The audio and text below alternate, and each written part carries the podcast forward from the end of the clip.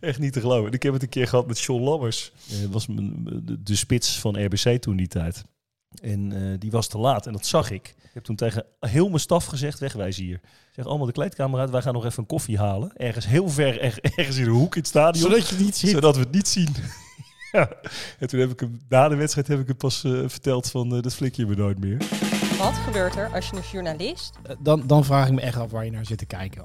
Een PR-man Het bestaat niet dat die twee goed samenwerken. en een oud voetbaltrainer bij elkaar zitten? Je gaat maar ratelen. Je gaat maar praten, praten, praten. Dat wordt jouw wekelijkse portie sportpraat over de media. Met Bas Hakker, Jos Schovaert en Robert Maaskant. We moeten daar maar een keertje induiken, want ik weet wel iemand die daar heel veel verstand Nou van ja, heeft. ik trek het gewoon naar me toe, maakt mij het uit. Ik ben er toch de enige echte goede Limburger. Ah, ik, dus ja. vind, ik vind het geloof ik toch een beetje nasty. Maar we hebben, wij hebben toch wel iets bijzonders. Dit is FC Media Circus.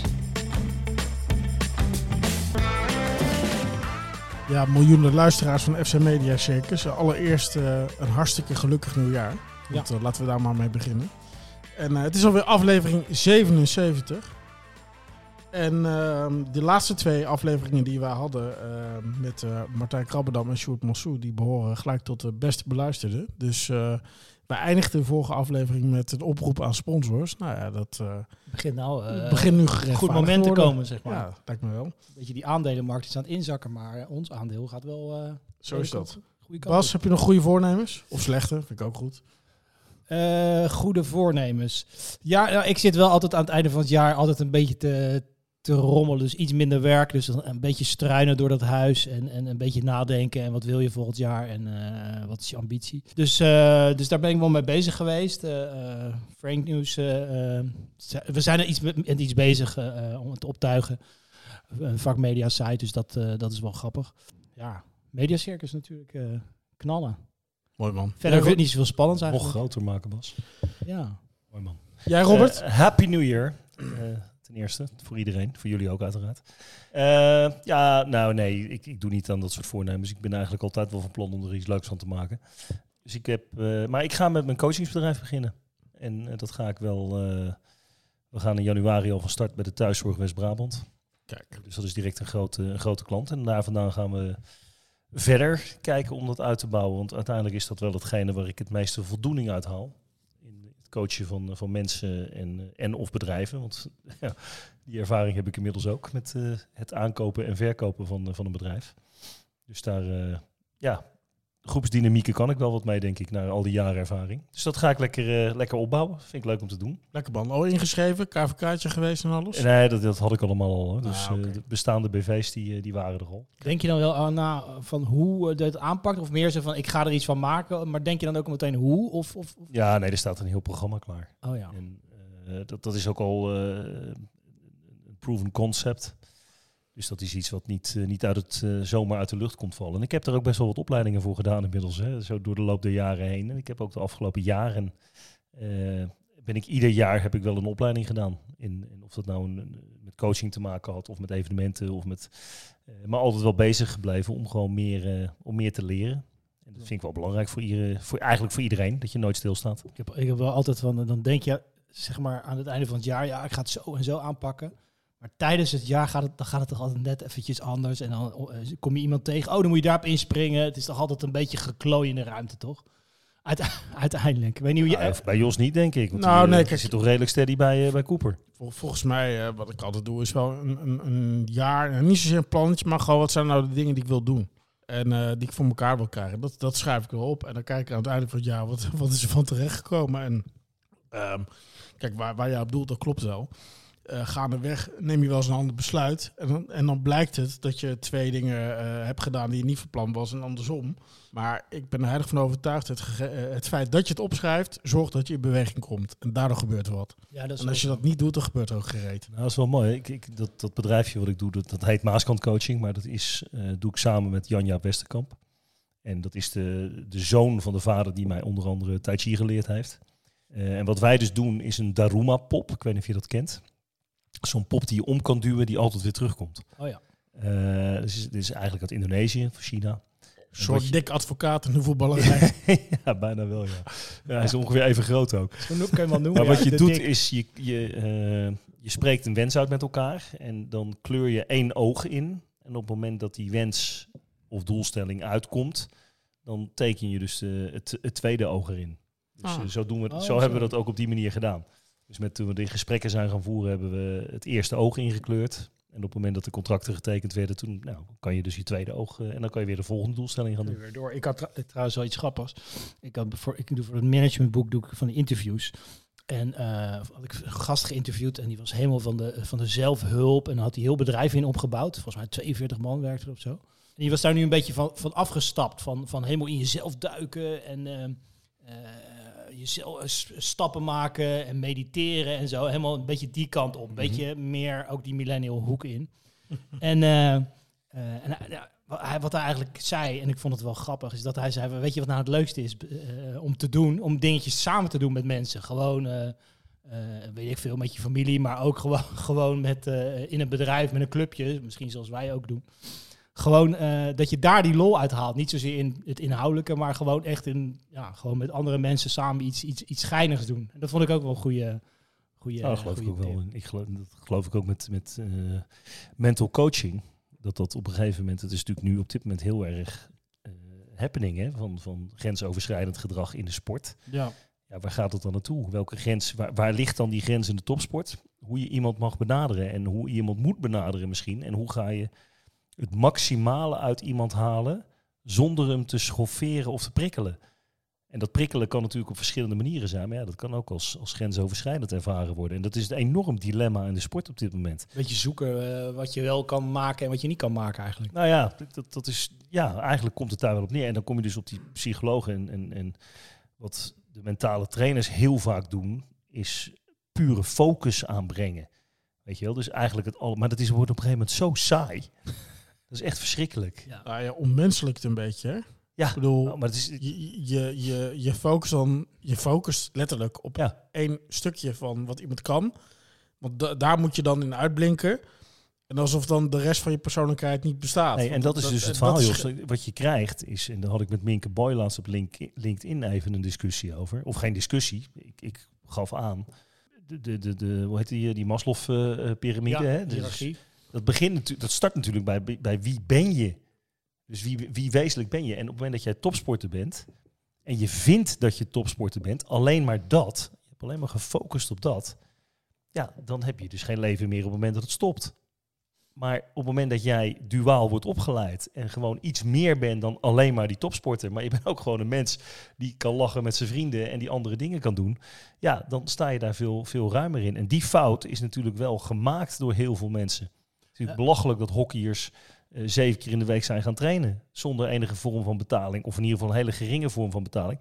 En daar allemaal in zijn gaan geloven in een sport waar je toch wel wereldkampioen wordt. Dat zei, dan moet je wel, de, de meeste landen hebben niet eens stiks. Nee, dat, zei, dat zei die gozer, dat dat ook te vertellen. Want hij eh, eh, had zo'n soort sessie georganiseerd in Ziggo Dome. Zo'n avond zweven, zeg maar. Dus eh, eh, zelfhulp. Hoe heet die gozer?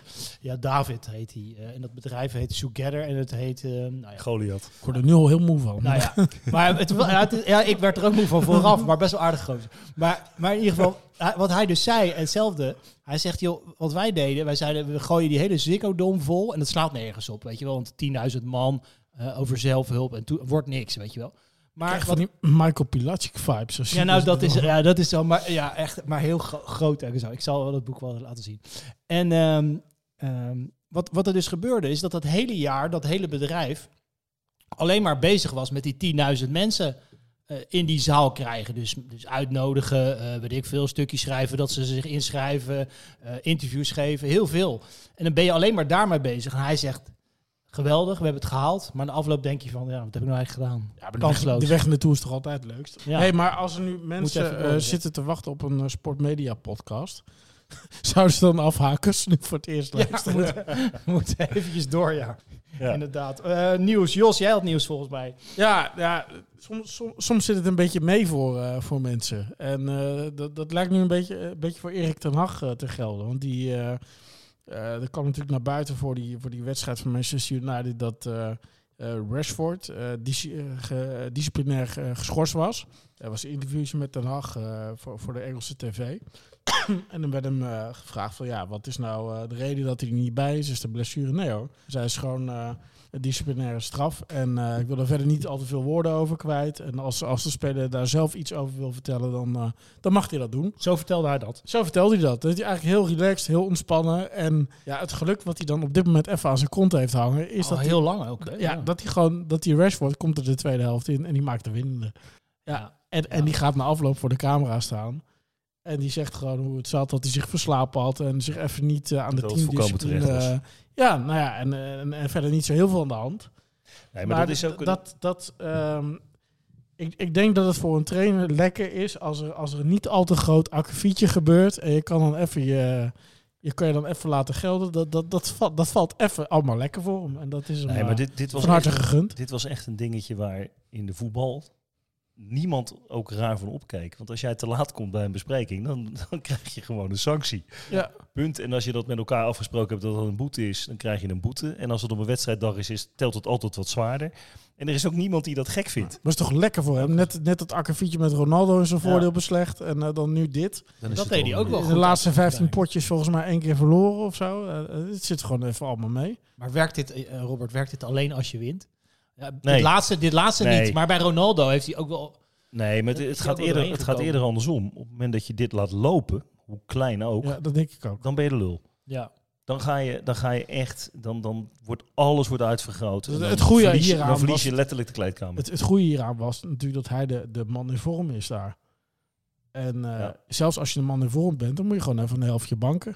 Ja, en terecht ook gewoon. Ja. Ik moet zeggen dat ik het zelf ook wel eens gedaan heb. Ik, eh, Geert en Oude is nog, nog steeds boos op me. Die, Oh ja? eh, die was, kon toen topscorer worden. In de, ik dacht dat het in de eerste divisie was. Maar daar staat me iets van En bij. die, eh, ja, die passeerde ik, want die waren te laat. En die hadden, Geert was nooit te laat, echt waar niet. Die had, die was, als er iemand punctueel is en was, dan is Geert het wel.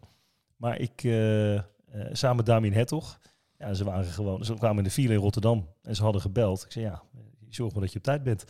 En ze waren niet op tijd, dus ze speelden allebei niet. Nou, boos, boos. Echt niet te geloven. En ik heb het een keer gehad met John Lammers. In echt een hele belangrijke wedstrijd.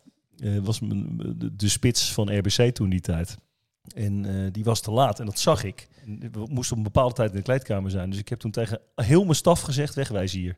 Zeg allemaal de kleedkamer uit, wij gaan nog even een koffie halen. Ergens heel ver, er- ergens in de hoek in het stadion. Zodat je het niet ziet. zodat we het niet zien.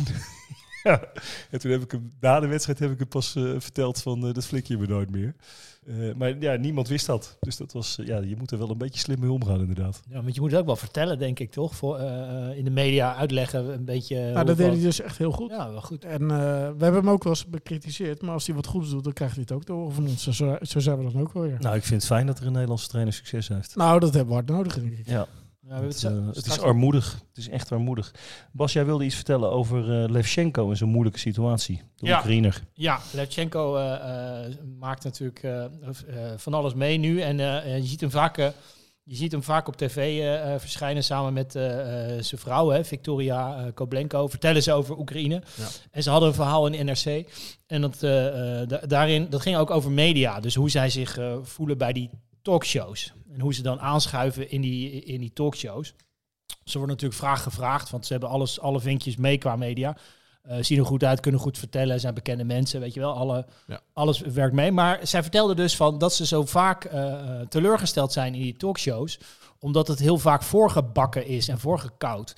Dus zij willen graag dat verhaal kwijt dat die, dat die dat het, deze situatie niet van, van dit jaar, afgelopen jaar is, maar dat het al veel eerder speelt, sinds die bezetting al. Maar dat die waarden van, van die Russen gewoon niet passen bij het Westen. Dat, wil, dat is eigenlijk het verhaal wat ze willen uitleggen. Dat, dat hoe Rusland denkt, dat dat nooit zal passen in hoe het Westen denkt. Nou ja, dat is een beetje een breed verhaal met politiek en geo en toestanden. Maar zij zitten elke keer in een talkshow natuurlijk. En dan is het veel smaller, een bomba- bombardement of, of eh, eh, honger of, of ellende, weet je wel. Maar het is nooit, ze kunnen nooit dat brede verhaal eh, kwijt voor ze. Ja, voor ik heb het ook gelezen en ik, ik ben het eerlijk gezegd helemaal niet met ze eens. Want ik heb dat, ik heb dat verhaal van alle perspectieven heb ik honderd keer gelezen, Ja.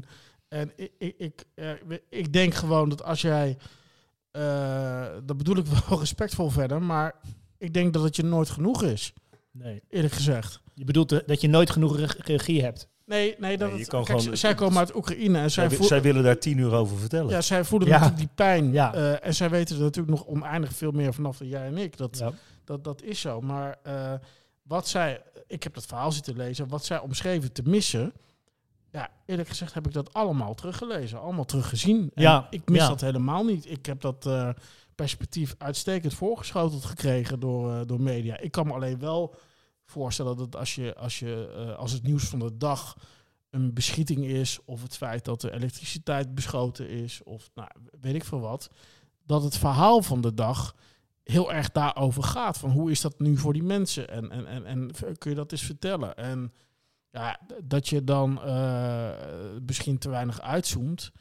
Ja, dat snap ik wel. Maar ja, het is ook wel steeds weer een vervolg op eerder nieuws wat al bekend is. Eh, dat, is dat is ook gewoon hoe nieuws werkt. Ja.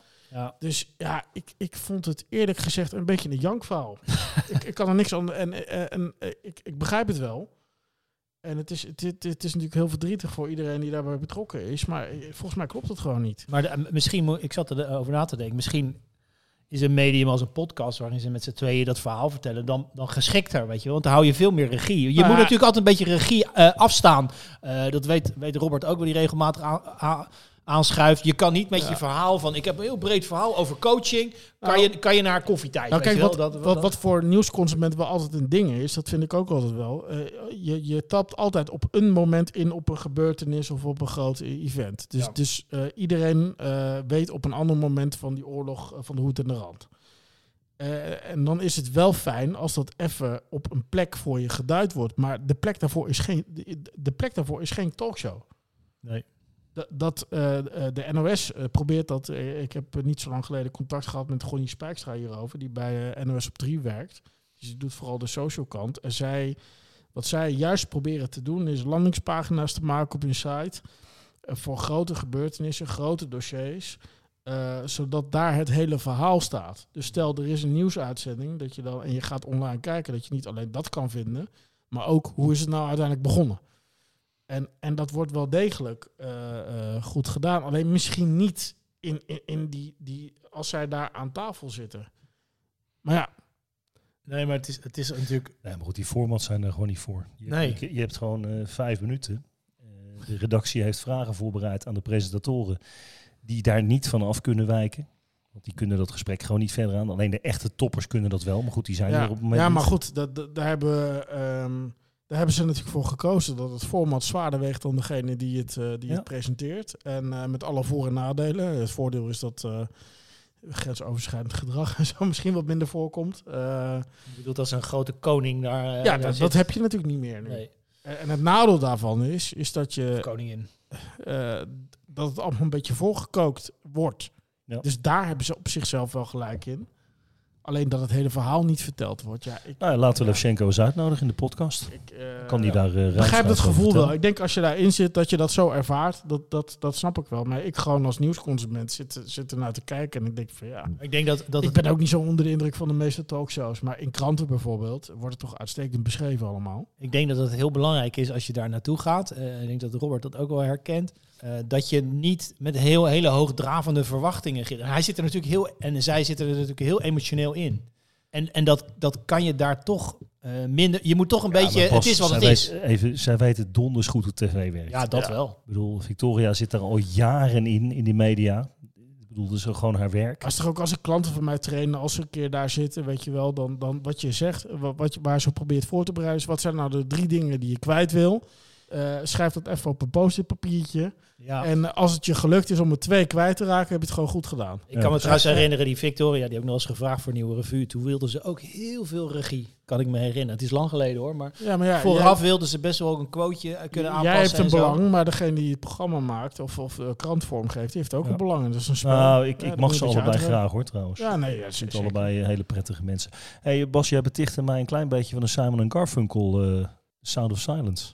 Ja, ja, nee, ja, Jos zei het volgens mij. Maar we hoorden weer niks. Ik denk, waar ga jij heen? Maar, ja. Maar er ging natuurlijk, Goed ontzettend, ging natuurlijk ontzettend veel om. Hè? Denk even aan eh, Ronaldo, over mijn nieuws. eh, die voor 500 miljoen gaat tekenen in Saudi-Arabië. ja, Daar vernietigend op afgemaakt wordt. Terwijl volgens mij, als je aan heel de wereld iemand zou vragen... je gaat ergens 500 miljoen verdienen... dan staat iedereen Nou. juichend... eh, nou, nou, nou. ja. Nee, niet 500 miljoen niet. Nee, maar voor hem is 500, miljoen Nee. is 500 euro. Ja, maar wat ik het mooie vind, en daar bedoelde ik ook een beetje op... Kijk, niemand dat wil hem iedereen, hebben. iedereen voor hem bepaalt.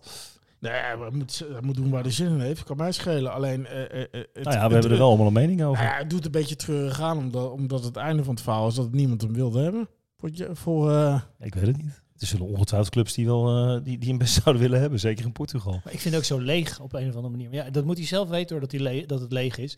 Maar het zou zoveel leuker kunnen, weet je wel. Koop een leuke club of zo en ga iets voor de brede. Weet, Ja, weet jij veel dat hij het misschien nog wel gaat doen. Ja. Maar eh, dat was natuurlijk niet, niet het, het nieuws, was dat natuurlijk niet. nou, wat leuk was wel dat die voorzitter zei de- dat hij een grapje maakte dat hij eigenlijk Messi had Ja, de trainer hebben. was dat. Oh, dat was de Trainer, trainer. ja. ja. Ja, dat was inderdaad wel een, was een leuk grapje. Maar eh, wa- waar we, ja, en dat is denk ik dat we daar meer aandacht aan moeten gaan besteden, is natuurlijk het grote verhaal op, eh, op NOS Sport.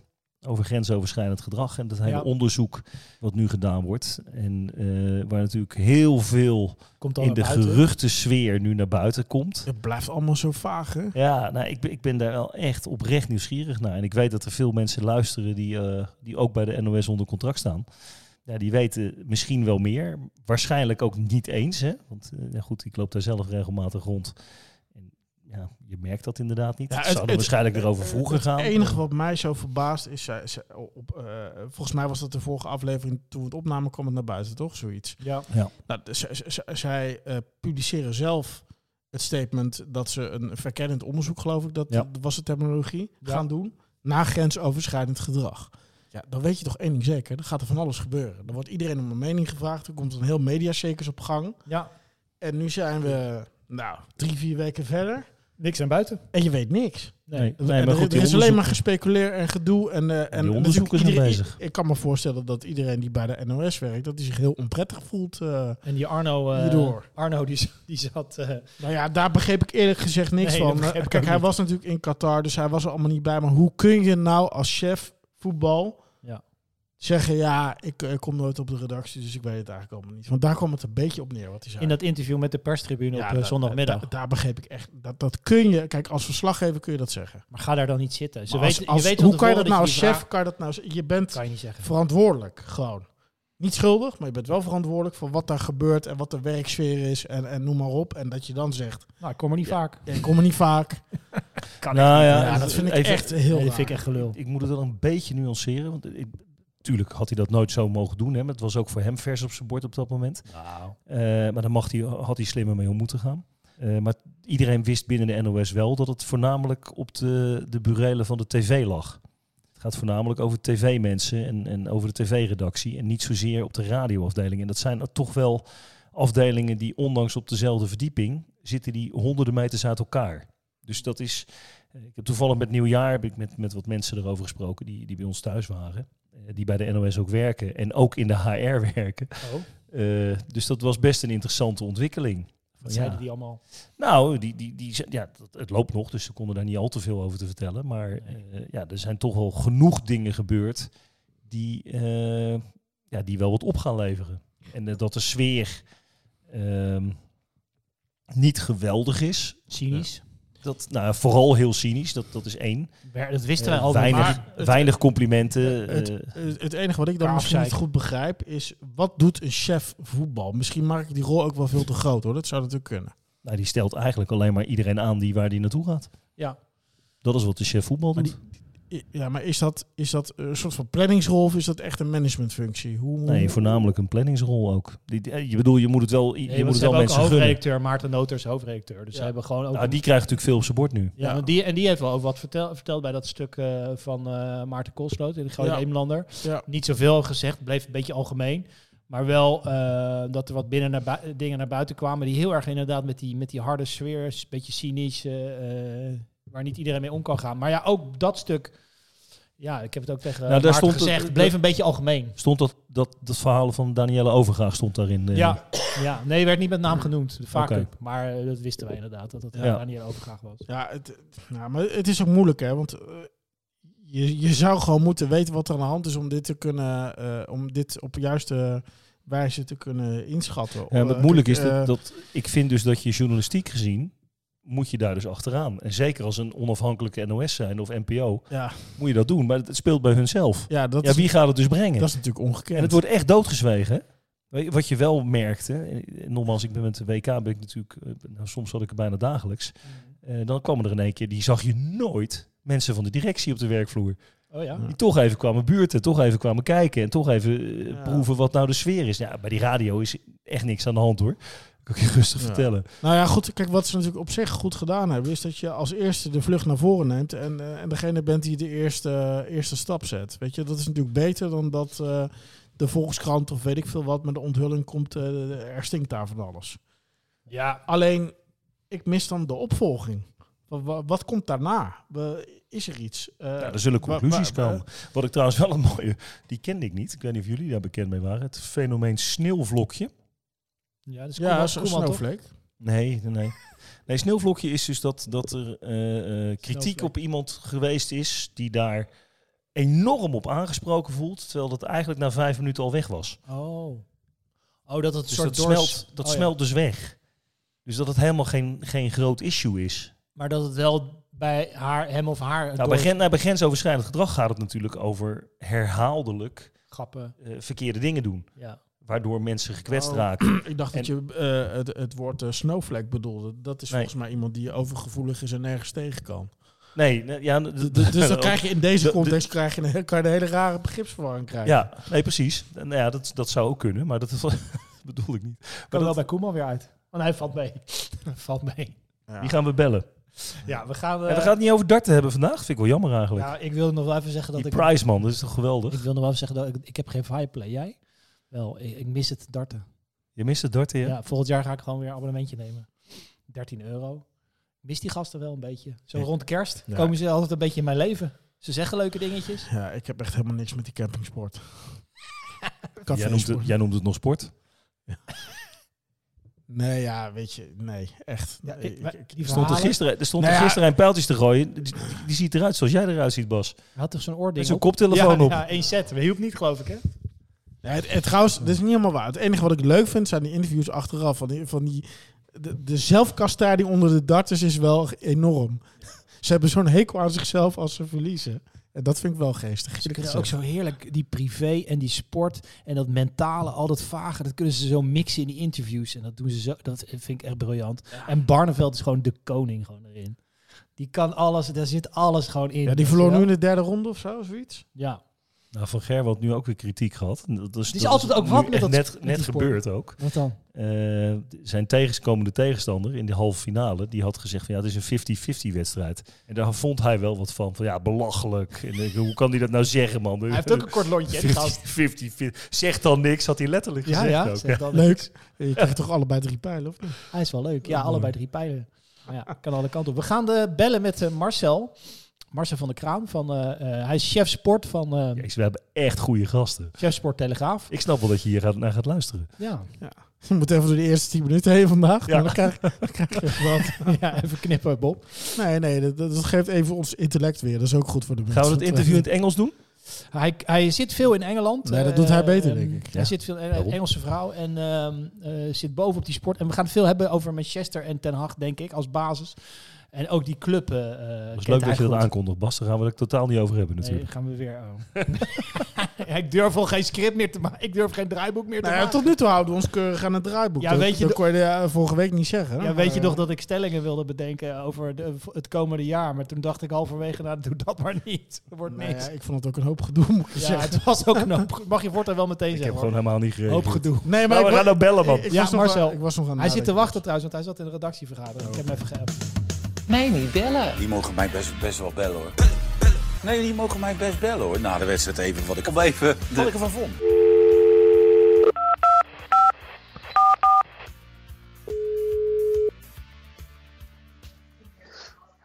Marcel van der Kraan.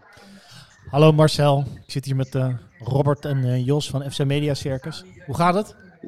Ja, alles goed. Nou, mooi. Jullie ook? Ja. Happy Hey, New Year, hè? Jij ook? Jij ook? Dankjewel. Gelukkig, gelukkig nieuwjaar.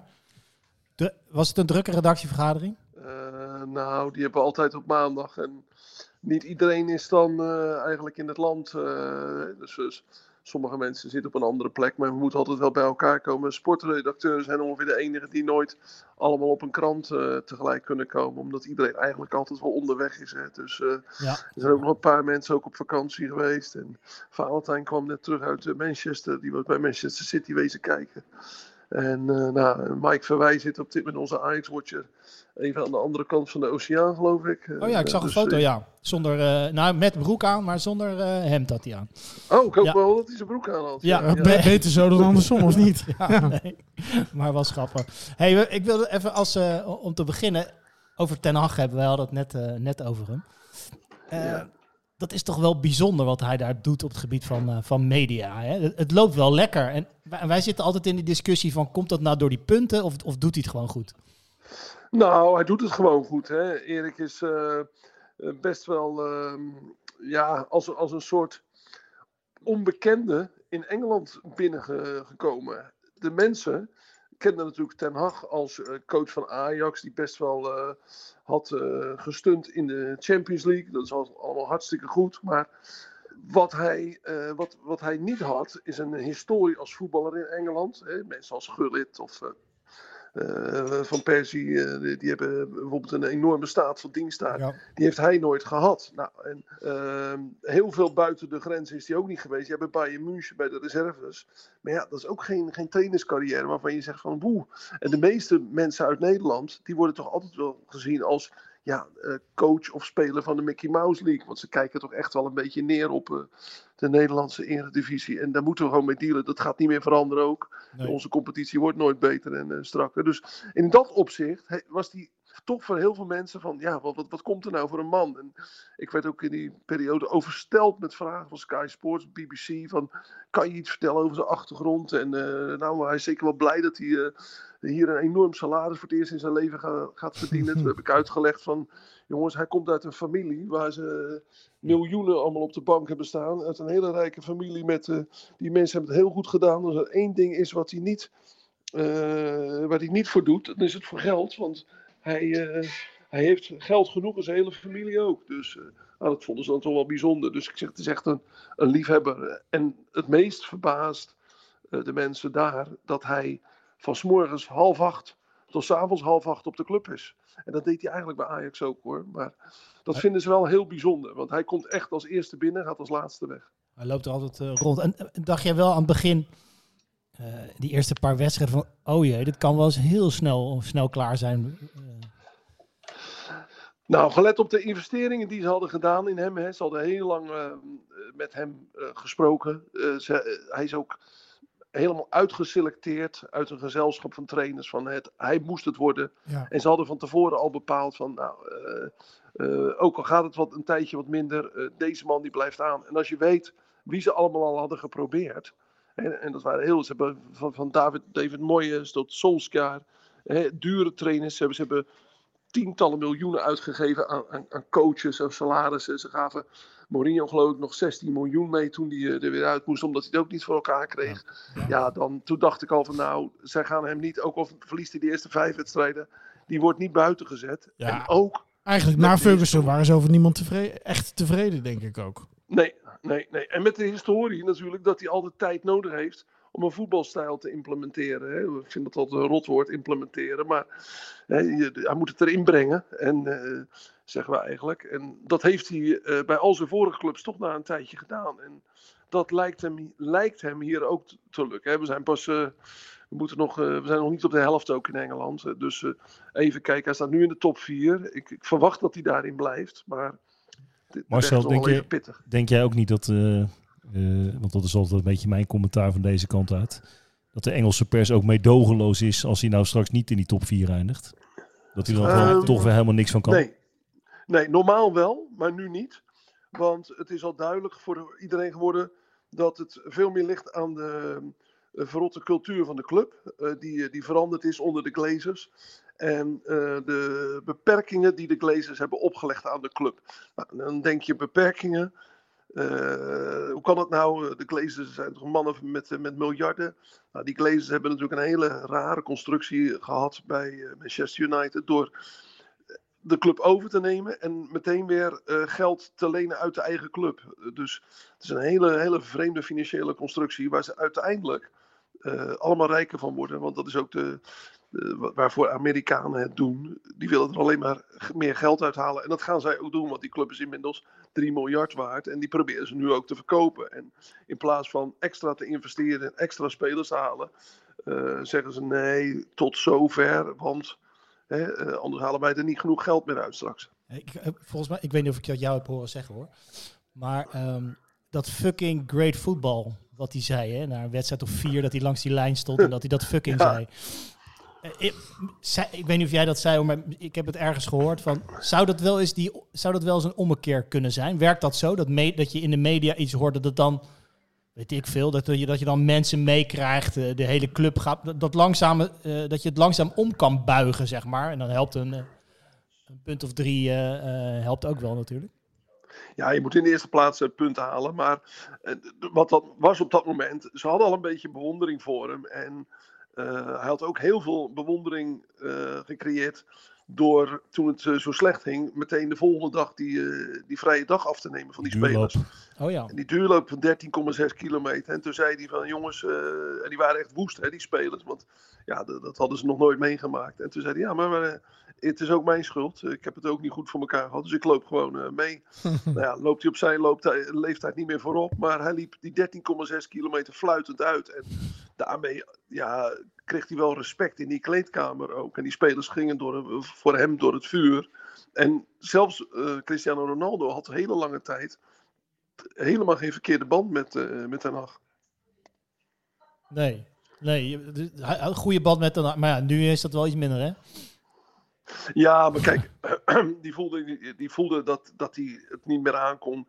En die heeft alles geprobeerd. Die heeft een charme-offensief gedaan. Maar Ten Hag heeft gewoon ja, respect afgedwongen bij de andere spelers. Door hem te straffen toen het nodig was. Toen hij eh, eh, kwaad wegliep eh, tegen Tottenham Hotspur. En toen eh, hield hij hem tegen Chelsea, Chelsea buiten de selectie.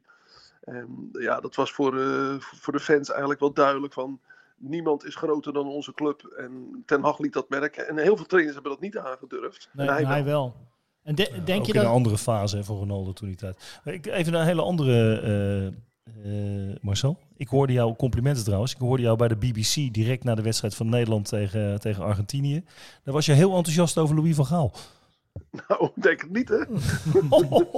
ik, heb hij jou, los? nog- ik heb jou nog nooit zo oprecht zo boos gehoord. Ik hoorde, ik hoorde omdat ik je natuurlijk een klein beetje ken, ik hoorde oprecht dat je boos was. Dat komt natuurlijk Echt, ja? eh, door, door het, eh, het, het verschrikkelijke voetbal wat we eigenlijk brachten al die tijd. En ja, ik, eh, ik, ik vanaf na 1986 heb ik alle WK's en EK's mogen doen. En de ene keer gaat het wat beter, maar het is nooit zo verschrikkelijk defensief geweest zoals het nu was. En kijk, Italianen die kunnen verdedigen. eh Portugezen kunnen keihard voetballen.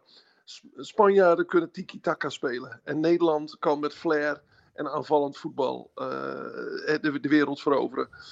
En als je dan eens een keer eh, niet de, de, de absolute topspelers hebt, ja, als je dan zo ver van je oorspronkelijke stijl afgaat, ja, dan doe je echt afbreuk aan het Nederlandse voetbal. En dat is wat mij, eh, wat mij dwars zat en, en nog steeds zit na dit WK. Ik ben eh, net voor kerst teruggekomen uit Qatar. En, en, dan zie je toch ook dat had, Argentinië nou in die finale hadden ze nou zo'n heel bijzonder elftal? Nee, maar ze gingen wel voor. Hè. Ze, dat, dat elftal dat, dat, dat speelde Nou, met flair. goed. Ja, Ja, speelde met flair, maar met- helft. In, in, in, in de stijl van, van, het, van het land zoals ze altijd hebben willen spelen en geprobeerd te spelen. Soms, soms keihard, maar wel durven aanvallen en, eh, en niet massaal verdedigen. En, en ah, dat was echt eh, Hoe, hoe, vreselijk. ging, Marcel, hoe, ging- hoe ging dat? Want waar, waar, waar was jij? Want ik, de BBC vond ik het mooie namelijk dat die eh, in het stadion nog direct de evaluatie van die wedstrijd deden. Hè. Bij de NOS waren ze dan al weg en dan hoorde je geen achtergrond. Ja. Maar ik hoorde dat jullie nog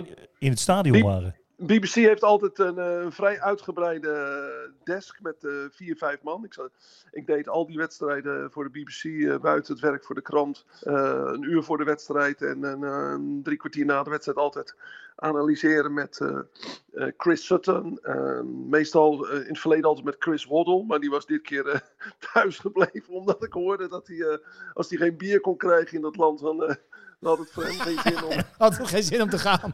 om, om als analist eh, daar naartoe te gaan. En, en Chris is een wereldvent hoor. En echt geen eh, alcoholist of zo. Maar eh, de, de, die jongens moesten er zelf ook om lachen. Maar vier weken, vijf weken zonder een, een biertje, dat, dat, dat vond hij wat te gortig. Dus, nou, dus in zo'n in zo'n stadion doe je dan de analyse met elkaar. Mooi. Vind ik echt een wereldverhaal. Chris Waddle die zegt van nee jongens, laat maar eventjes. Als er geen bier Want is. eerst zouden ze schenken dat Budweiser natuurlijk. Chris- Waddle is een hele leuke kerel. Die ook altijd meespeelde bij het Engelse perselftal. En dan speelden we met eh, eh, het Nederlandse journalistenelftal een aantal jaren geleden eh, in Heerenveen. En Dat was geloof ik tijdens het, dat was trouwens tijdens het EK of WK voor onder Jeugd. 21 Ja. elftallen. En toen, ehm, toen maakte een van de Nederlandse spelers, en ik weet niet of het nou Bart Vlietstra was of iemand anders, die maakte een behoorlijke overtreding op eh, Chris Waddle. Dat vond hij niet zo leuk. En tot die tijd had hij zich een beetje ingehouden. En de bal wel lag geloof ik drie meter over de middenlijn. En toen, eh, en toen eh, zei Chris tegen iedereen van... get out my way. En toen, en toen legde hij die bal neer. En toen zag ik al aan zijn kop dat hij zo verschrikkelijk kwaad was. En toen schoot hij hem van 40 meter in de kruising. en, en toen eh, liep hij naar... eh, ik, ik weet niet of het nou Bart was of een van de andere van de Nederlandse journalisten. liep hij naar die jongen toe en zei hij... That's what you get if you wind me up. Heerlijk. Trouwens, ook, eh, die Sutton vind ik ook wel mooi trouwens. Die, die zit ook veel in podcast eh, van de BBC. Dat is leuk om naar te luisteren ook. Wel een man een Chris, mening. Chris is een hele goede analist. Ja, ik zeg niet dat het ook. de beste voetballer ter wereld was die Engeland heeft gehad in de spits. Maar wel een formidabel goede analist. En sommigen hebben dat. Hè. Die kunnen dat eh, Perfect heel analyseren. goed. Vind je, dat, Ja. vind je de, de, de BBC wat dat betreft beter dan de NOS? In, in, de, in dit soort eh, mensen die ze hebben? Ja, absoluut. Ik, ehm, ik vind ook dat ze altijd eh, net even de verdieping zoeken. En dat zie je ook al in het eh, verslag wat je krijgt bij eh, een wedstrijd op televisie. Ehm, en ik heb me altijd verbaasd waarom de NOS dat niet doet of nauwelijks doet. Wij luisteren hier alleen naar Frank Snoeks of alleen naar Jeroen Gruter. eh, eh, en, ja, en zij hebben er altijd een expert naast. Ellen Shearer zit dan naast de, de commentator. Of, ja. En, en, dat, en dat switchen, dat geeft je nou net dat je denkt van, ja, dit Dat wil ik even horen Veel meer van die, van ex-prof. Ja, wat ze bij de NOS daarover zeggen, wat me verbaast, want ik heb, ik heb dit wel eens aangekaart ook. Eh, en dan zeggen ze van, eh, ja, dat werkt niet bij ons. Dat ik denk van, ja, maar hoezo werkt het? Als het nou daar wel werkt, waarom nou, zou het dan bij ons niet weet je werken? wat niet werkt, is dat ze zelf niet in 90 minuten aan het woord kunnen zijn. Want Ja, je, moet, je moet af en toe eh, het woord afgeven. En dat eh, is voor sommige commentatoren moeilijk, geloof ik. Ja, die willen. ja, ja, maar het, het, zit, het heeft ook een beetje met te maken dat, dat eh, eh, NOS wil altijd heel breed bij zo'n WK. Hè. Die wil, dat, die wil Maar ja, het voetbal heel breed eh, maken. het was grappig, stond een verhaal in de VI volgens mij over, eh dat was met Frank Snoeks en Ja. eh, Wietse de Groot. Met Wietse, Eh, Waarbij Frank Snoeks zei, Snoeks zei dat hij niet zoveel talent heeft om zijn mond te houden. en dat, dat die Wietse de Groot vrij aardig lukte. Het zou wel leuk zijn dat Robert naast Snoek zit en dat er nog niet tussen komt. Zoiets. Dat is wel weer grappig. Ja. dat lijkt me sterk. Ja. Hey, en jij, jij vergelijkt dat natuurlijk ook, hè? Dus je, je kijkt natuurlijk in, eh, in Engeland veel wat er gebeurt qua journalistiek en in Nederland. Ehm, kunnen wij dat niveau een beetje aan in Nederland? Eh, tikken wij dat aan of, eh, of hebben we een hoop te leren nog daar? Nou, weet je wat grappig is? Dat er in, in het- als je nou praat over een verschil in journalistiek, is dat ze in Engeland ehm, respect hebben voor elkaar. En in Nederland is alleen maar jaloezie en ehm, wedijvert men alleen maar voortdurend. Als in Engeland een journalist een topprimeur heeft, ehm, dan krijgt hij op eh, social media of als hij in een perskamer komt, hey, eh, well done Mike, eh, well done Simon, great, great scoop, great scoop. Mensen feliciteren elkaar. Ja. Hier wordt niks gezegd. Nou, Mike Verwij is bij de Telegraaf een van de grote nieuwsjagers. Hè, die, als je praat over, over Ajax met al zijn transfers, nou, dan denk ik dat hij er van de Ja, tien, tien altijd ne- negen heeft. en, ehm, en er zal er heus wel eens een naar in een ander gaan. Maar je denkt toch niet dat er ooit iemand is die tegen Mike Verwij van de Telegraaf zegt van... "Het is een geweldige primeur, Mike. Nee. Maar nou hoeft dat niet per se. Alleen dat gebeurt dus in Engeland wel. En wat, wat zie je dan, wat er in Engeland ook gebeurt? Aan het eind van het seizoen is er het eh, is er een Football Writers Dinner. En dan komt iedereen bij elkaar. Is de sfeer geweldig. Ze maken er een groot feest van. En wat doen zij? Zij houden de industry, of eh, van sportjournalistiek, dat noemen zij een industry. Die houden zij gaande. Ze houden de kranten groot, ze houden de journalistiek groot, ze houden het circus groot. En wat, wat is daar nou het bijzondere van? Dat is nou precies waarom de Premier League ook zo groot is. Die competitie die, heeft een wereldwijde uitstraling. Maar daar werken die jongens aan mee. En die jongens die zien ook, die jongens, de journalisten, die zien ook dat eh, je, je, je eet uit die ruif allemaal. Dus je verdient er een, een boterham. En je houdt het samen ook, ook ja, heel, heel global, heel groot. Heel, het, het heeft, ze zorgen voor de uitstraling. En dat zien die clubs ook wel. En natuurlijk zijn er, je hebt de tabloids en je hebt de, je hebt de serieuze kranten. Maar toch hebben ze elkaar allemaal nodig. En dat voelen ze Marcel, heel goed aan. Als je, dat, als je dat nou zo vertelt, waarom zou jij dan niet de initiatiefnemer zijn om dat in Nederland eh, te doen? Mm. Want ze kennen elkaar allemaal. Ik bedoel, of je nou eh, Ja, de Willem, nou, ik zal je vertellen. Willem een paar Visser of, of ja, noem, noem Sjoerd Mossou of, of noem iedereen op. Dat is- Nou, dat heb ik een paar jaar geleden eh, geprobeerd bij de Nederlandse sportpers. Toen heb ik voorgesteld van, jongens, jullie moeten veel meer doen om met elkaar iets groots te doen. Ik zeg, breid nou de, de, de- het aantal prijzen ook uit. Want in Engeland bij zo'n voetbalwriters dinner, dan hebben ze de primeur van het jaar, eh, talent van het jaar. eh, eh, nou, nog een, nog een aantal van dat soort eh, prijzen. Maar echt een hele, hele, hele, hele arsenaal aan prijzen. En er is voor iedereen wel wat. Hè? De- zelfs de, de kop van het jaar, geloof ik. En de voorpagina van het jaar. En, Dat is knap trouwens, in- want daar zijn ze gespecialiseerd in in Engeland. Hè? Ja, nou echt. Dus en, dan zie je, en, en dan krijg je ook, hè, iedereen vindt het ook leuk om op die avond te komen. Ze zorgen dat er een, eh, een beroemde voetbaltrainer is, een paar beroemde spelers. En, eh, en die mixen ook. En zo houden ze dat gaande. Nou, wat gebeurt er dus in Nederland? En net toen ik dat had voorgesteld, toen Golf. gingen ze bij eh, de Nederlandse sportpers in het bestuur de, de telegraafjournalisten afzeiken. Die net voor de grootste primeur hadden gezorgd voor in jaren. eh, dat de Grand Prix terugkeerde in Nederland. Eh, dat was een van de dingen. Mike Verwij had iets anders. En toen zei een van de bestuursleden bij de Nederlandse sportpers. Nou, laten we maar hopen dat dit niet een enorme kanaar is. Want dan staat de telegraafjournalisten eh, flink voor lul. Nou, dat, dat is dus precies. Zei hij dat eh, intern of bij, tegen jullie? Of hoe? Nee, joh, die kan je, dat was een eh, tweet van eh John Volkers van de Volkskrant. Oh ja. Die was bestuurslid van de Nederlandse sportpers. ja. Nou, en toen, toen ben ik zo boos geworden. Ik, had, ik was toen net een tijdje, een jaartje of zo, chef sport bij de Telegraaf. Had het van Jaap de Groot overgenomen. En, toen, en het was de derde of vierde keer. Ik had ze al een keer gewaarschuwd dat wij dat niet pikten of dat ik het niet pikte. Nee. En kom dus niet voor mezelf op, maar voor de jongens die eh, keihard werken. Want ze vergeten dat mensen als Mike Verwij de dingen niet op een presenteerblaadje krijgen. En ook zo'n primeur over Zandvoort niet. Daar moet je hard voor werken. Dan moet je zeven dagen per week overal je kop insteken, overal praten. Nou, zo werkt top sportjournalistiek. Nou, en als je dan zo wordt eh, neergezet. Toen heb ik gezegd, nou, dit is eh, de laatste keer. Wij stoppen ermee. Wij zijn geen lid meer van de Nederlandse sportpers. Hebben jullie, Dus... hebben jullie helemaal niks dat je bij elkaar komt of zo eh, dan? Nee, ben je dan niet bij. Dat is wel... Ja, dat, dat is er wel. En eh, dat, het- wat leuke, dat, dat hebben ze nog steeds, alleen wij komen daar niet meer. Kijk, als je zegt er gebeurt één keer eens iets, maar dit was de zoveelste keer. En dat, en dat komt allemaal voort uit jaloezie. Het is wel triest En- eigenlijk. Nou, natuurlijk is dat. En het enige wat ze wel hebben gedaan, ze hebben al die, eh, die adviezen van het talent van het jaar en de, de primeur van het jaar, die hebben ze wel overgenomen. Dus eh, Oh, die ja. zijn er wel gekomen. Ja, Ja. ja, ze hebben een, go- een golftoernooi eh, ieder jaar volgens mij. Waar alle journalisten bij elkaar Nou, komen. nee, een golftoernooi, dat staat me niet bij van de Nederlandse sportpers. We moeten gewoon eh, lekker samen voetballen, toch? Dat is misschien van de NOS dan. Dat weet ik niet. Ik, ik weet zeker dat het er is. Ah, ja, het het, opzoeken. het, het, eh, wat jij zegt, dat klopt natuurlijk. Want, Maar daar want word jij niet voor uitgenodigd, Marcel. Wat, je, wat je Daar moet je natuurlijk bal, hebt, balgevoel voor hebben. wat je natuurlijk hebt, is dat ehm, eh, iedereen kent elkaar wel, want ze komen natuurlijk allemaal in de vakjes, ESPN, weet je wel, iedereen kent elkaar. Maar dat je vaak hebt, zeg maar, als ik, als ik dan al die, want ik luister natuurlijk al die podcasts, dat je nooit eens hebt dat de ene over de ander iets aardigs zegt. Nee. Dat heb je nooit, zeg maar. Nooit eens van, oh, dat zei Mike goed, of dat zei Maarten Wijfels goed, of dat, weet je wel. Ik vind dat wij redelijk complimenteus zijn normaal gesproken. Nee, wij, maar de, eh, de sport, de Oh, podcast zo. en zo, die, eh, Jos weet dat ook wel. Ze zeggen nooit iets over van dat had die goed of dat had die goed. Nee, dat klopt. Dat, ik, ik herken wel wat Marcel zegt. Je, je hebt het niet over eh, elkaar dat je wat aardigs eh, zegt. Ik denk dat het in heel veel eh, branches eh, zo is. En dat het een beetje een Nederlands eh, euvel Brood- is. broodnijd. Ik denk dat het beleid ja, is of zo, dat je dat... dat Een beetje volksaard misschien. Marcel, hoe is het met, jou, met jouw zoon? Voetbalt hij nog? ehm, oh ja, ik heb er drie, dus ik weet niet Ja, maar, de, de, van Feyenoord, zeg maar. Ehm, die, de, de- nou, er zaten er twee bij Feyenoord, nu, nu nog één. En die, ehm, eh, ja, die voetbalt nog. Ja, ja, ja. En die, en die werkt nog bij Feyenoord.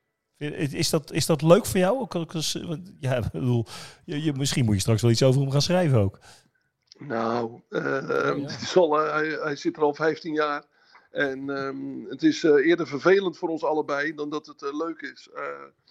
Want als er, kijk, hij werkt in de, in de jeugdopleiding. En als er, als er een, ehm, eh, een primeurtje of een speler komt, dan moet je natuurlijk niet denken dat het, oh, dat zal, eh, dat zal Marcel van der Kraan wel van zijn zoon hebben. Eh, Want ja, die jongen is met hele totaal andere dingen bezig eh, dan, eh, dan een eerste elftal. En, ehm, dus het is altijd eerder vervelend voor ons geweest. En wij, sorry, ik zit even een, een snoepje weg te werken. Ehm, wij kunnen dat goed scheiden en dat gaat al heel veel jaren zo. Hey Marcel, we danken je voor je uitgebreide verhaal. Ja, En, eh, leuk. Nou, ik Oké mannen. Ik zit wel even Graag te denken, na te Weet- denken over, over eh, eh, wat je zei. Over, eh, misschien eh, moeten wij een keer een voorzet geven of zo. Om die gasten is allemaal bij elkaar. Ze kunnen toch een Nou, voetbal- ik wou net zeggen, ik weet wel een leuke, leuke naam voor zo'n even, evenementje. Misschien FC Media Circus of zo. Ja, vroeger had je toch dat voetbaltoernooi, Grote Orencup, eh eh Marcel? Ja, ja, Is ja, dat ook ja, niet meer? Volgens mij was de grote orencup was van de GPD-bladen, Ja. volgens mij. Dat dacht ik. eh. Eh, die hadden toen 21 kranten en ehm, die, eh, die deden dat. Nee, Grote Orencup vragen, we vragen gewoon het, eh, het tableau van hoe ze dat geregeld hebben. En dan gaan we het gewoon doen. We gaan er eens mee aan de Ja, slag. nou, ze, ze hebben dus wel één keer per jaar hebben ze een bijeenkomst. Hè? Dan kan je inschrijven en dan heb je een etentje. En daar delen ze die prijs uit. Meestal is dat in januari, geloof ik. Maar daar, daar zijn wij al een aantal jaren niet meer eh, bij aanwezig. Marcel, dankjewel man. Oké, mannen, succes. Hoi.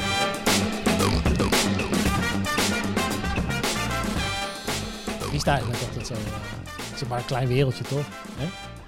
Ja, maar het is, het is echt... Een beetje Hollands vind ik hoor. Dat zeg je Ja. wel zo. Dus bij bedrijven ook wel vind ik. Ja, ik, ik, ik herken dit wel, eerlijk gezegd. Ik, eh, v- eh, een aantal jaar geleden, dat best wel al bij, bijna tien jaar geleden of zo, 2013, nee, 2013 was het volgens mij. Toen organiseerden wij eh, bij Cooper, waren nog een maar met een mannetje, of vijf, zes of zo, organiseerden wij een tweedaags congres, eh, eh, PR Social Media Summit in eh, ING House, in die, die schoen naast Oh, ja. Zuidas, wat waar nu ING al Klomp. lang niet meer zit. Maar dus we hadden allemaal gasten, weet je wel, van, vanaf de hele wereld, vanuit Nigeria, Australië. En sprekers van Phoenix Suns, herinner ik me nog, Huffington Post, Disney, Lego. Echt super cool. Alleen wij hadden dat georganiseerd gewoon vanuit een hele simpele gedachte. Wij wilden wat tofs voor dat vak doen, want er was niks. Ja. En toen zagen wij wat in Amerika. En de- Reagan, die heeft eh, de site PR Daily. En toen gingen wij kijken van, ja, weet je, waarom zouden we dat niet gewoon naar Nederland halen? En, en, en dan kom je erachter dat als je een beetje bluff hebt, dat de wereld soms ver- verdacht eenvoudig in elkaar zit. Dus wij een mailtje sturen van wat is er voor nodig om dat voor, elkaar te krijgen. Nou, niet zo gek veel. Wij moesten dan meedenken over de inhoud van het programma.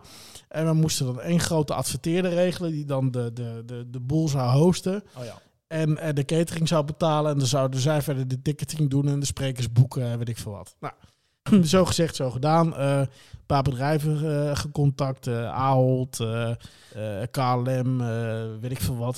De bedrijven die toen echt aan het begin stonden van, van social media. Nou, ING ook. Nou, ING hapte, die wilde dat, wat, dat, dat wel doen. En, en dan sta je daar. En eh, toen kwamen er dus, eh, dus mensen van bijvoorbeeld Edelman, het grootste PR-bureau eh, Ja, van Nederland, die dus privé een kaartje gekocht hadden, omdat ze van hun baas niet mochten. Om, ja, die gingen zich dus, dus druk lopen maken om een stelletje snopneus uit Rotterdam, met, met die zes, zes mensen in dienst hadden. Terwijl zij volgens mij nu de miljard omzet aantikken wereldwijd. Ja, weet je, dat is, dat is zoiets geks. Terwijl wat wij wilden doen is een beetje wat Marcel net zegt. Van je wil gewoon voor het vak iets doen. En wij hadden eh, een hele simpele strategie eh, op een bierveeltje. Je zou er eh, bijna voor kunnen houden, Bas. schrijven? Maar ik zou een boekje over schrijven als ik jou was. Maar het was heel simpel Er gewoon. zijn nog een paar. Wat we gaan doen is geven, delen en ontvangen. Dus we, we geven allerlei kennis weg, dat delen we. En uiteindelijk denken we links of rechtsom dat er wel wat aan de strijkstok blijft plakken. Dat we wel hier en daar een keer een klus krijgen. Ja. Eh, Ja, Eigenlijk ik- niet anders dan wa- wat we nu bij FC Media Circus aan het opbouwen zijn. Je begint gewoon met een soort van liefhebberij, maar wel met de intentie van... het zou wel lekker zijn als het uiteindelijk iets wordt. Ja, wel even door inderdaad. Maar ik, ik kan me ook wel eh, de, de, de weerstand ten opzichte van eh, sommige telegraafjournalisten kan ik ook wel iets bij Ja, indenken. wel. Ja, ze schoppen ook wel om zich heen. Het- ja, weet je, het zijn ook niet de meest Nou ja, toegankelijke en, en soms ook... je hoort ook- af en toe verhalen die ik niet kan verifiëren, dus daar kan ik ook niks over zeggen. Want misschien Maar is het allemaal gelul. Alleen het gonst altijd. Ja. Van, van, van de manier waarop. En, eh, eh, nou ja, precies, god, dus dat, het is dat- niet, eh, Dat weet ik niet precies. Ik snap, ik snap wel dat het niet alleen maar Hosanna is richting Telegraaf. En dat ze daar niet altijd voor klaarstaan. Bas, eh, wat heb jij meegenomen? Want volgens mij is er een, eh, een redelijk beroemde voetballer overleden. Bas, wat heb je bij je? Ja, Pele is natuurlijk eh, eh, overle- overleden afgelopen tijd dat we geen, eh, geen uitzendingen hadden. Ik was altijd even te struinen wat er, wat er was, het laatste interview. Maar dat was heel slecht, want die mevrouw eh, die zei al aan het begin... ik heb de film niet gekeken en eh, ik heb een paar vragen van mijn directie gekregen. En die ga ik nu even oplepelen. Nou, dat was een beetje het laatste interview. Dus eh, toen ben ik even gaan struinen. Het was op Netflix, eh eh, Pele heet het eh, treffend. Eh, is een eh, hele goede documentaire. Eh, nee, het is een film. Het duurt anderhalf uur. En die bouwt op naar het WK van 1970. Een beetje de, de, la The Last Dance met die basketballers. En dat was natuurlijk zijn laatste trucje uiteindelijk. Was hij 29 pas, hè? 1970. Eh, dat toernooi won hij natuurlijk. Maar het is de aanloop daar naartoe. En wat ze probeerden is ook het te schetsen tegen, tegen de achtergrond van de politieke situ- situatie in Brazilië. En, en dat was wel interessant, want ja, in die jaren, eind jaren 60 tot 70 en nog tot 85 las ik zelfs, hè, hadden ze een dictatuur in, eh, in Brazilië. Dus gewoon iemand die eh, ja, geen stemrecht, geen toestand, gewoon iemand die het bepaalde. Toen vroegen ze Pele ook in die film van, nou ja, hoe zat jij daar dan in en eh, had je daarmee te maken? Hij had er natuurlijk mee te maken, want hij, ja, zo'n zo'n team is natuurlijk, die komt over de hele wereld. Is natuurlijk een soort verlengstuk van die dictatuur ook.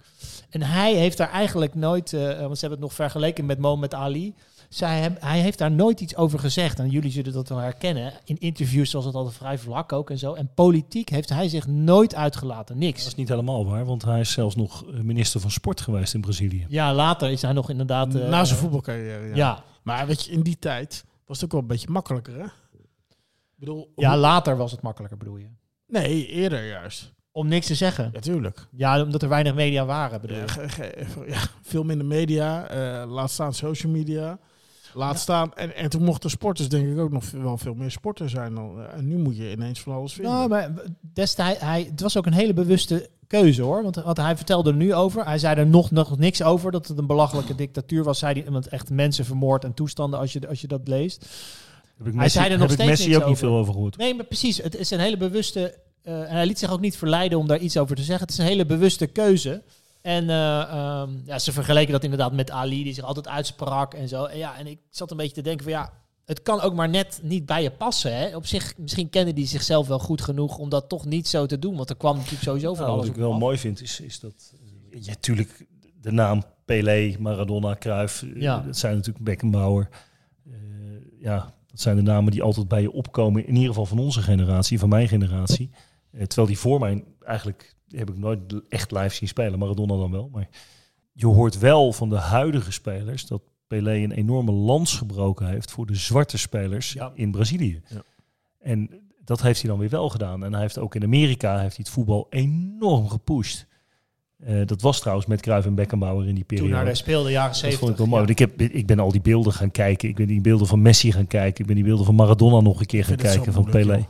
Ja, het is niet te vergelijken. Omdat er, volgens mij heeft het is, weinig zin om uh, ranglijsten te maken van beste aller tijden. Volgens mij moet je dat een beetje per eh, decennium bekijken of zo. Want het, Ja, je, het kan het in ieder zo- geval, je kan het in ieder geval niet met data doen. Want, want dat, dat hoor ik ook wel eens. Weet je, Nee, wel. hij heeft zoveel, wedstrijden. En, zoveel en- wedstrijden, zoveel goals. Ja, dat, het, het gaat er gewoon om momenten van briljantheid. En ik moet wel zeggen, er is één filmpje over Pelé...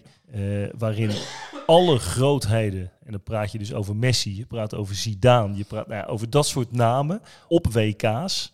eh, Ronaldo, dan zie je dus het doelpunt of de actie van die betreffende speler. En dan komt daarna het moment dat Pelé het dus al 20 of 30 jaar precies hetzelfde al eerder had gedaan. Ja, ja, ja. Dus een kap naar links, een overstapje, een bal voor zich langs laten lopen. Iemand een, een bal even over zijn hoofd heen trekken, op Ja. zijn borst aannemen. Al die momenten gedaan zaten er. Ja, weet je, als je dat achter elkaar zit, ja, dan Ja, is dat- ook dat geweldig. genieten. Hij- hij Met, met, met wie hebben van al die legendes eh, door de tijd heen, met wie hebben jullie het nou het meeste? Wa- Waarvan heb je nou het gevoel? eh, dat, dat- Als, als voetballer, ja? Ja, Marado- Maradona. ja, heb ik ook. Ja, ik ook. Ja, maar die was, als je, als je daar gewoon sec beelden van gaat zitten kijken, dat is niet normaal. Die speelde ook nog eens een keer op dramatische velden. Die kreeg schoppen. Nou, dat was echt, de, de Nigeriaanse huurmoordenaars zijn er niks bij. Ja. Eh, werd- In mijn beleving het meest dwingend van... van, van, van Ja, maar Eh, altijd, altijd directheid naar de goal toe. Eh, die, was, die was echt, echt heel groot. Maar ik denk ook wel dat het net als muziek is. We hebben wel eens eerder besproken, Ja, volgens mij. Dat je gewoon in je, in je 15 tot 25 ben je het meest bevattelijk voor muziek, zeggen ze. En dat blijft altijd in je hoofd zitten. Die hele top 2000 kan je bij wijze van spreken meezingen. En zo is het ook met Maradona. Je, je, je Ja. hebt het veel bewuster meegemaakt. Ja, ik, dus net niet. Ik ben echt van de, van de meer van de generatie eh Marco van Basten, Gullit, eh eh, eh, Rijkaard, weet je wel. Dat- ik, ik ben geboren in 81, dus Ja, 86 heb ik wel gezien, maar niet zo... niet bewust. Nee, dat, dat is echt voor mij begonnen in dat is EK, wel de- wel EK de- Wel 88. de tijd dat hij bij Napoli speelde natuurlijk. Ja, In ja 86. dat, dat, dat, dat heb ik wel meegekregen. En dat was natuurlijk waanzinnig knap, omdat, dat, ja, omdat die club verder niet zoveel eh voorstelde Ik- ik- nog. qua voetbal. Ja, kijk puur naar het voetbal, Als ja. totaal mens, dan denk ik dat je met Pelé en Cruyff, Ja. dat Cruyff veel meer gedaan heeft voor wereldwijd. Nou ja, die heeft het nalatenschap gewoon letterlijk Ja. met, met zijn university eh, Ja. en de veldjes eh, overal. En, En die is ook altijd bezig Eh, geweest voor anderen. Die was ook bezig voor zichzelf, maar die was ook altijd voor anderen bezig. Ja. Ook om geld te verdienen. Ook, ook eh, nou, die, weet je wel, die, die was echt, zette zich in voor de rechten van de voetballer, van de Ja. sporter. Dat heeft Pelé volgens mij ook gedaan. Ja, dan hoef je bij Maradona en Messi niet meer aan te komen, denk ik. Het- alleen zeg maar als je dan hem hoort praten, want ze hadden hem ook echt, hè, hij was toen al ziek. Eh, en toen, je, je zag hem ook echt praten. maar eh, het was niet een, een flamboyante man, weet je wel. Iemand die, ja, Cruijff had dat toch wat meer. Dat hele aanvallende ook in zijn teksten. Dat had Ja, toch, minder, toch, vond ik. toch vind ik hem ook wel een... een Heel eh, emotioneel trouwens. Ik vind hem wel een soort van, eh, zou ik dat nou zeggen, een soort van keizerlijke uitstraling hebben. Of Ja, zo. hij heeft wel een, een soort van, Ze noemden hem ook de koning, hè? ja, de maar een soort van, soort van, van, van krachtige rust of zo. Ik vind het ook wel mooi. Ja, dat, eh, ja het, mooiste wat, het mooiste was van die serie dat ze op een gegeven moment zaten ze met het oude team van eh, eh, Santos, is dat geloof ik. Ja. Hè? Ja. Het oude team nu van opgebaard ook. ja, Santos, eh, eh, eind jaren 50 eh, begon het al.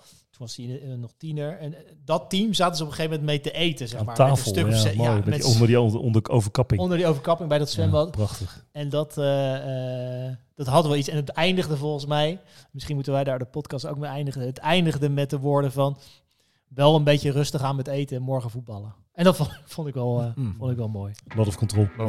Lot of control. Ben ik nou degene die zo slim is of ben jij zo dom? Kijk hoe die corner is. Die corner komt laag. Wordt doorgekomen. De kant en daar gaat hij. Hij zit erin. Het is Sneijder. Hij zit erin. Sneijder komt. Hij is 22 centimeter groot. Daar is het erin. Dat is hem. Het is de licht. Het licht.